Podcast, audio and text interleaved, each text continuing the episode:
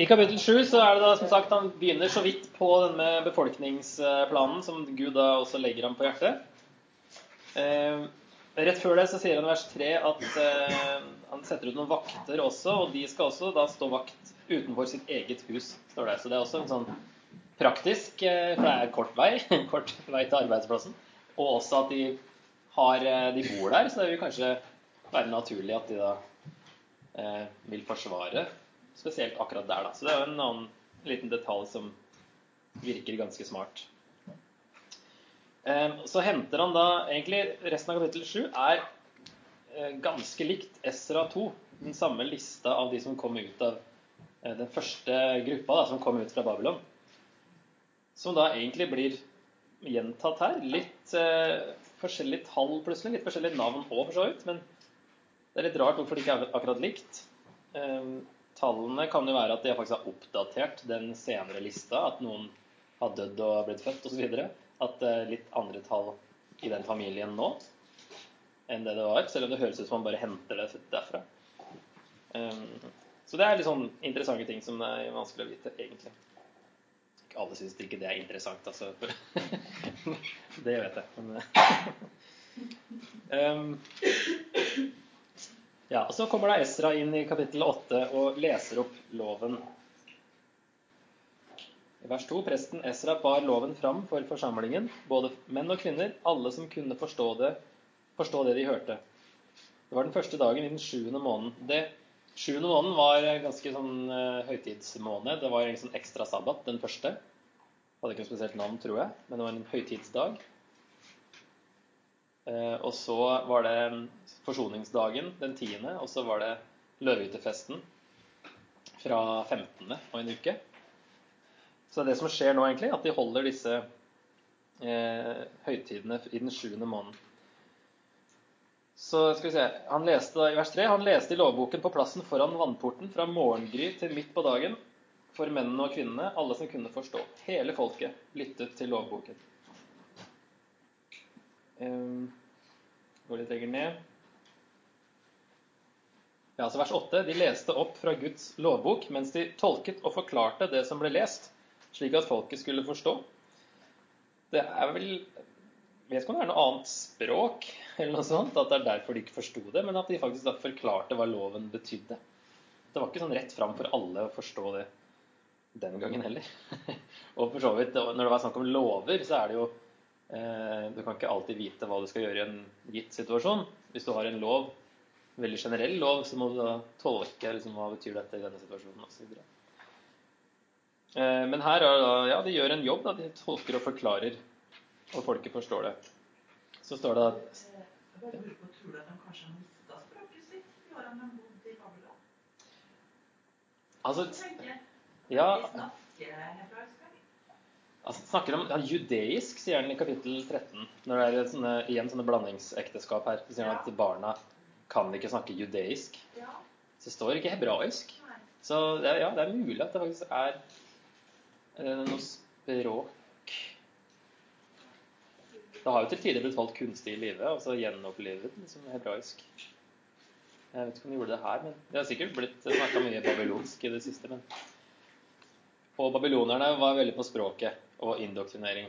Så Daniel og de får jo nye navn, som da i noen tilfeller erstatter bytter ut Gud med en babylonsk gud i betydning av navnet. Så ja, det kan ha vært noe sånt. Ja, så står det da um, i vers Altså Nehemia i vers 9, Nehemia og Esra sier da til folket denne dagen er hellig for Herren deres Gud. Dere skal ikke sørge og ikke gråte. For hele folket gråt da de hørte det som sto i loven. Men så får de ikke lov til det, for det er en sånn høytidsdag, og da skal man ikke være trist. Så er det også samtidig en positiv ting som skjer, at de innser at de må omvende seg. Så ble det stor fest i stedet. Eh, siste verset der i det avsnittet, vers 12. De laget en stor fest, for de hadde forstått det som ble sagt til dem. Og Så er det mer studering av loven, og så er det løvehyttefesten i en uke. Og så i kapittel 9 så eh, er det faste. og de bekjenner da sine synder og fedrenes skyld når de er ferdig med løvehyttefesten. Og så er det en lang bønn, eh, eller sånn, ja, disse prestene som eh, Levitene som står og, og sier fram dette her da, fra vers 5 og utover. Der de egentlig går gjennom hele historien, og de gjentar gang på gang hvor folket hadde snudd ryggen til Gud og ikke ville følge loven, men at Gud hadde redda dem ut mange ganger når de omvendte seg. Eh, og så kommer det til et punkt når de da jeg tror jeg har sagt to ganger at Gud da eh, ja, de ropte igjen til deg, står det f.eks. i vers 28. Og du hørte det fra himmelen og reddet dem gang på gang i den store barmhjertighet. Eh, og så er det liksom tilbake igjen at de ikke hørte på budene. Det er liksom dommerboka egentlig som går i sirkler her.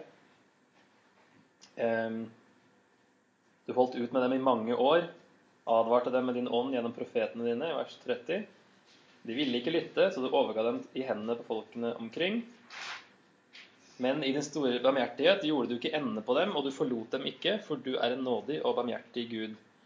Og nå, vår Gud, så kommer det fram til deres generasjon, etter å ha gått gjennom hele historien. Gud har redda dem ut mange ganger når de har omvendt seg. Og derfor nå har det kommet fram til at da må vi også gjøre det nå.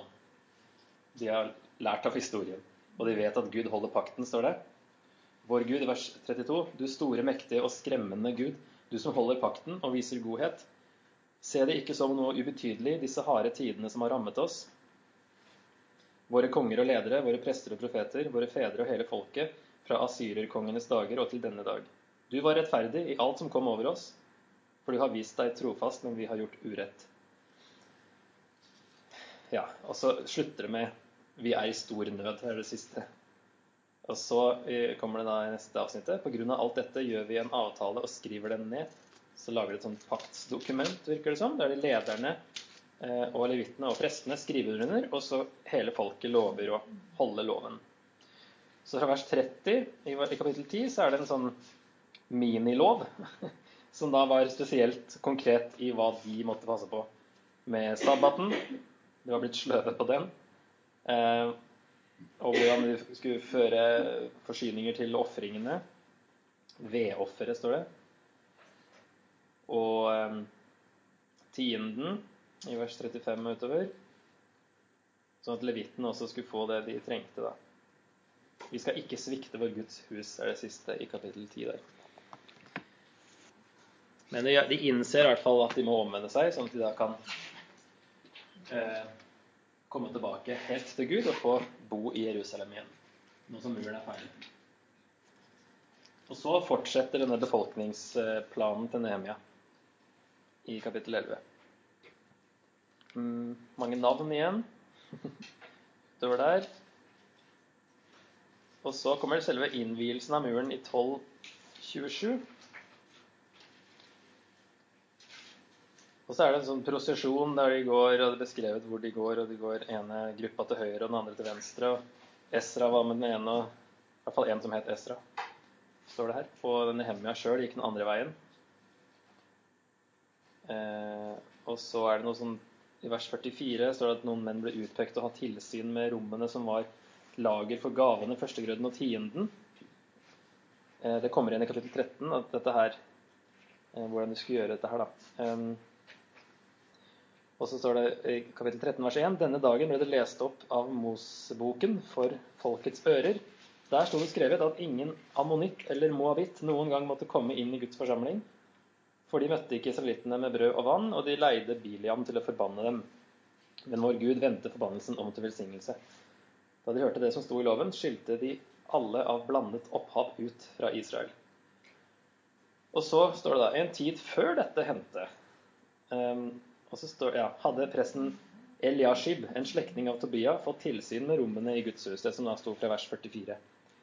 Han gjorde i stand et stort rom til Tobia, der de tidligere hadde lagt inn grødeofferet, røkelsen, tempelutstyret og tienden av korn, ny vin og fin olje, etter påbudet for levitene, sangerne og portvaktene. Gavene til prestene var også lagret der. Mens alt dette skjedde, var jeg ikke i Jerusalem, for i det 32. året Artaxerxes var konge i Babel. Ja, jeg så for første Babel, selv om det er egentlig Persia. Men det var liksom, de hadde jo fortsatt samme område og bodde i Babylon. Um, i det 32. året, altså det begynner jo i det 20. 20. året, så er det da 12 år senere at han drar tilbake Så da hadde jeg reist til ham.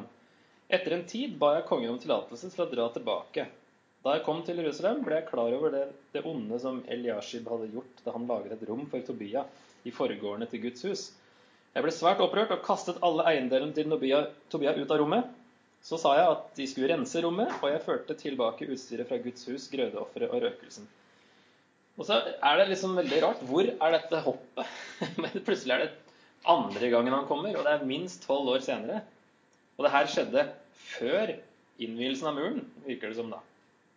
I hvert fall sånn vi leser i teksten her. For det er i vers 44, 1244 på denne dagen virker som det er samme dag som da muren ble innvia. Og 13.1 også denne dagen.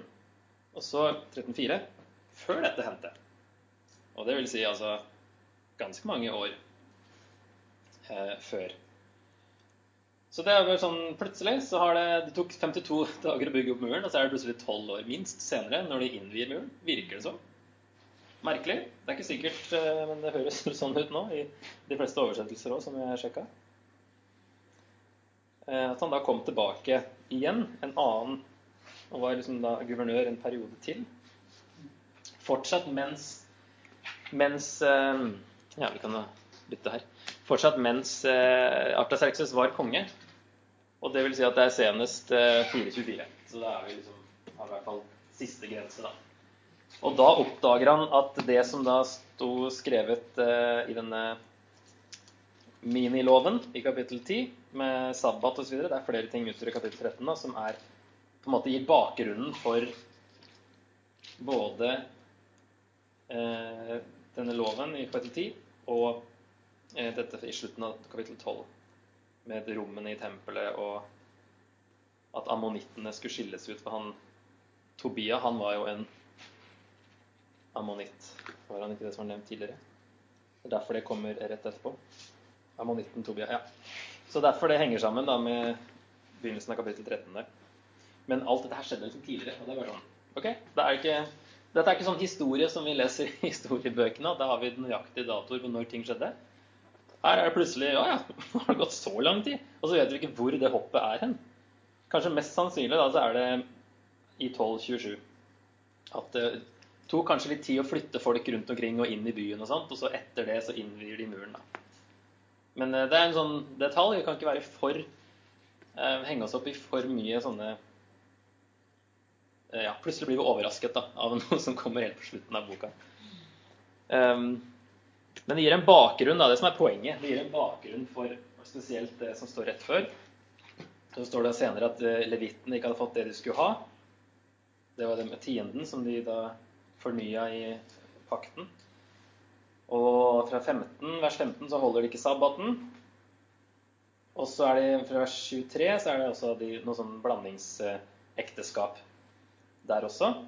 I de dager så jeg at noen judere hadde tatt til seg kvinner fra Ashlod, Ammon og Moab Halvparten av barna deres snakket språket i Ashlod eller språket til de andre folkene. De kunne ikke snakke judeisk. Det her har ikke noe med altså, noe politikk eller eh, sånn Det er ikke noe politisk her, det er religiøst. altså Spesielt her, både Ester og Nehemia, er dette veldig viktig for dem. Fordi det er så eh, sårbar periode da, at de må holde på identiteten sin.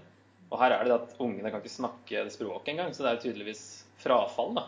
Um, så Det er derfor de er så strenge på det det er jo ikke så strengt ellers, og det er aldri noe imot at folk kan konvertere. Altså, Ruth f.eks. var jo en moabit. Og her er det forbud å gifte seg med noen fra Moab. Men eh, Ruth kom jo inn i Jesus sin stamtavle.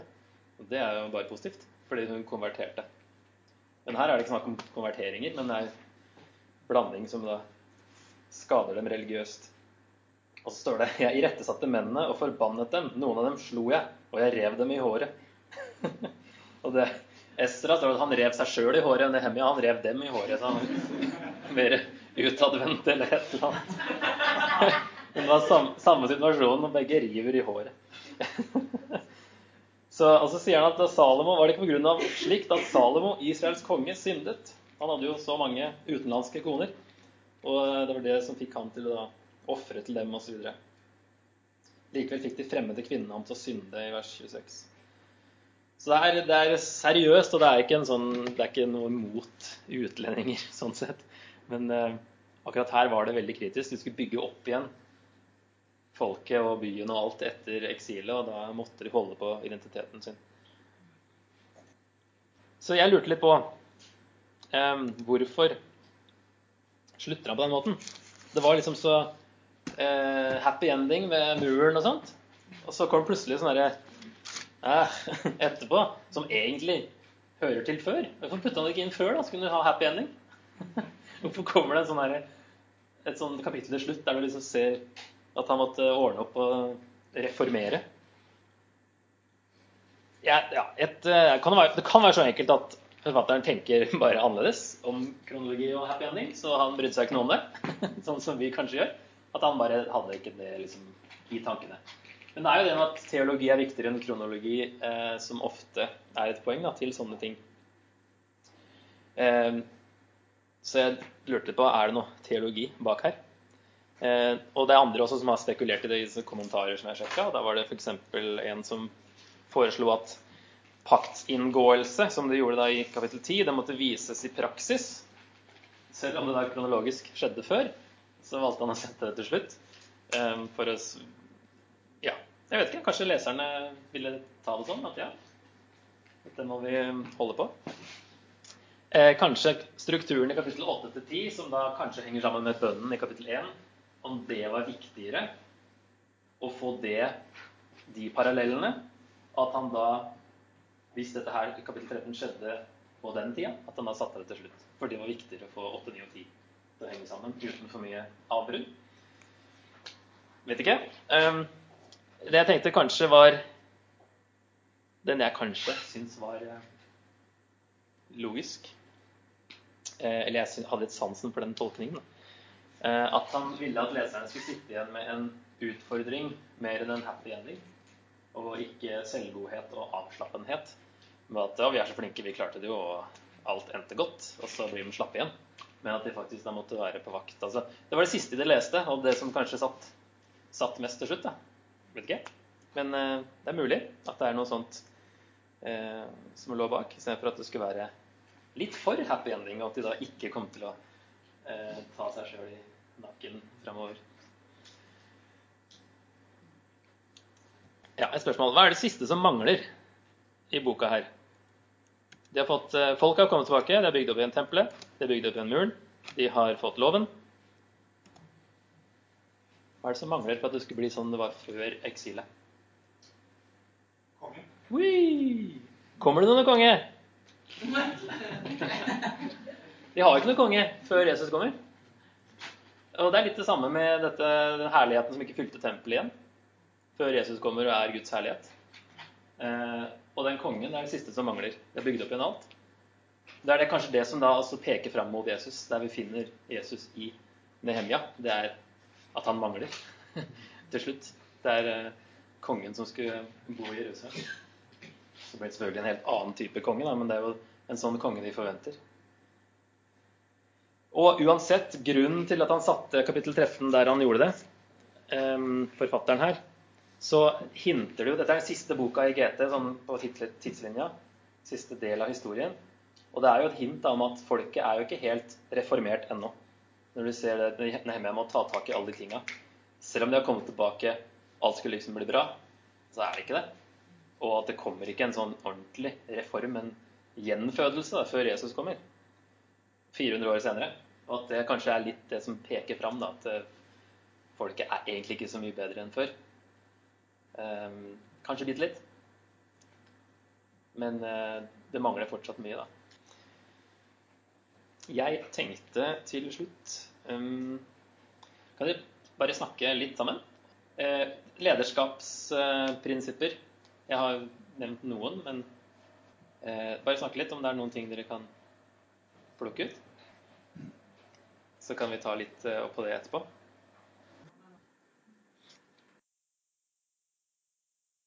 Det er mye som, eh, på akkurat det her da, med lederskap. Men jeg fant en liste på en som er mye mer leder for store prosjekter enn det jeg er. Så jeg tenkte det var mer eh, nyttig at eh, han fikk satt det. Rick Warren, som hadde sju prinsipper for ethvert prosjekt som han hadde henta fra Nehemia.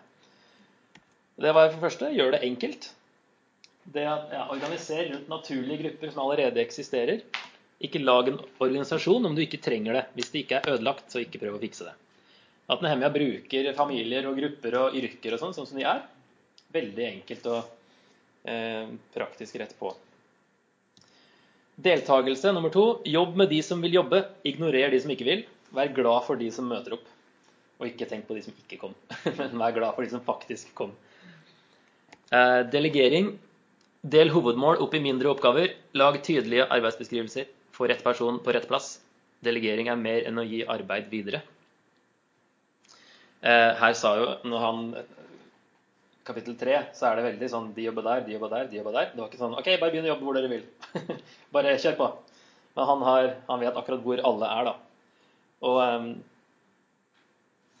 ja, han har oversikten. Um, motivasjon nummer fire. Hjelp andre til å eie prosjektet, det som dere nevnte. Gjør det så ubesværlig som mulig. Altså det også at det kunne være praktisk, altså jobbe nærmest der du bodde osv. Pluss at det ville også motivere, som dere nevnte der. Nummer fem samarbeid. Et nøkkelprinsipp for god organisering. Og nummer seks administrasjon. Ha oversikt. Administrer ved å gå rundt. Eh, og da fikk han også vite hva som var problemene her og der, og hva som rørte seg. Eh, og så den siste, nummer sju, det er smått. Verdsettelse. Eh, gi anerkjennelse, vit hva folk heter, og bry deg. Og Derfor blir kapittel tre egentlig kjempebra. Han har skrevet opp alle de som var med og jobba, og de er i Bibelen, liksom. Nå. Det var spredt utover hele verden, masse språk, og i hundrevis av år. Og han har tatt bryet med å skrive ned alle de som var med og jobba. Et kapittel som bare er masse navn, og som vi bare vil hoppe over. Liksom. Det er faktisk et godt prinsipp der også. Så er det jo andre som selvfølgelig kjenner Guds ord. Han visste han ikke kunne gå inn i tempelet, f.eks. Um, han visste hvorfor de hadde vært i eksil. Det er jo selvfølgelig viktig som en leder i kristen sammenheng. Og at han var med og jobba, står det. Han uh, var med sånn som alle de andre, samtidig som han hadde oversikten. Og han så imot motstanden. Uh, så står det, altså Vi hoppa litt over det, men i kapittel 5 så sier han det er en sånn hopp fram i kronologien igjen, i vers 14. Eh, fra den dagen kong Artaserkses satte meg til stattholder i landet Juda i de tolv årene fra det 20. til det 32. styringsåret hans, spiste verken jeg eller mine folk stattholderens brød. De som var stattholdere før meg, hadde lagt en stor byrde på folket. De tok 40 shekel sølv om dagen for brød og vin. Også mennene deres var harde mot folket, men jeg gjorde ikke slikt, for jeg fryktet Gud. Jeg var også med i arbeidet på denne muren, selv om vi ikke eide jord. Og alle mennene mine var samlet til arbeid der. Så han tar ikke skatt som han kunne. Og så står det videre at 150 judere og stormenn spiste ved mitt bord. Tydeligvis så betalte han det sjøl, all den staben. Ehm, for å ikke gjøre det verre for folket, som allerede var tynga økonomisk og på andre måter også. Så det er et eksempel egentlig på tjenende lederskap her. Nehemia som ikke, og Paulus da ikke gjorde bruk av rettighetene som han hadde. Som eh, vi finner den i Nytestamentet. Så tenkte jeg dette med summere opp litt eh, dette med Guds ledelse. Eh, Nehemia, da, i hvert fall i hans eh, situasjon her, så er det da det vi har sett på og snakka om nå, at han ber fire måneder om en mulighet i begynnelsen. Og han ber underveis og midt i øyeblikket. Han ber sånn jevnlig og midt i situasjoner. Og han var, altså I begynnelsen i 2.5 så er han da villig til å Altså Han så et problem, han så at noe måtte gjøres. Og han var villig til å ta sjansen på om kongen nå ble eh, irritert og tok livet av han. Så var han faktisk villig til å ta den sjansen. Eh, fordi han hadde det her på Det lå på hjertet hans. Og så ser han siden som sagt at det var Gud som, som sto bak. da. Eh, så det var ikke selve tanken han fikk, som overbeviste ham, og at det var Gud som som da snakka til den på en måte, men han ble sikker da han så bak, bakover senere. Eh, så venter han med å nevne Gud, ja, skal det stå, til han har fått mer oversikt. Går liksom ikke rett på med det argumentet heller. Og han ser at Gud brukte menneskelige spillebrikker, som vi leste Fiendene fikk høre at vi kjente til planen deres, og at Gud hadde hindret den. Selv om det ikke står noe om at Gud gjorde noe konkret overnaturlig. Eh, og altså Gud la ham på hjertet til å registrere folket, som var neste skritt. da. Så jeg tenkte, jeg, jeg syns at det ser ut som at Nehemia da blir leda gjennom bønn, hode, hjerte og kontakter. Menneskelige kontakter. Han kjente kongen, faktisk. Kongen over hele verden den gangen. Hjerte tenkte jeg at eh, Du ser hva, hva Gud legger ham på hjertet. Og at Gud har kanskje lagt ting på hjertene våre. Altså evner og interesser og lidenskaper som kan være også retningslinjer til hva han eh, leder oss til. Og så har vi hodet også. Han bruker hodet ganske mye. At vi har en fornuft og en hjerne som er meninga vi skal bruke. Eh, så det er fullt lovlig. Og at han, når han ber også, så eh, Jeg synes jeg merker det når eh, Hvis jeg ber litt innimellom forberedelser til undervisning, at jeg kan få litt korreksjon på hvor jeg bør gå med dette her hvis det er noe som er vanskelig. og sånne ting. Så jeg syns det funker. Og det er jo selvfølgelig viktig å gjøre det. At bønn må være med. Men eh, det er veldig variert, da. Hvordan eh, Nehemia ledes av Gud. Så det, jeg syns det er litt oppmuntrende å se at det ikke trenger å bare være en sånn overnaturlig, men eh, veldig menneskelig, egentlig.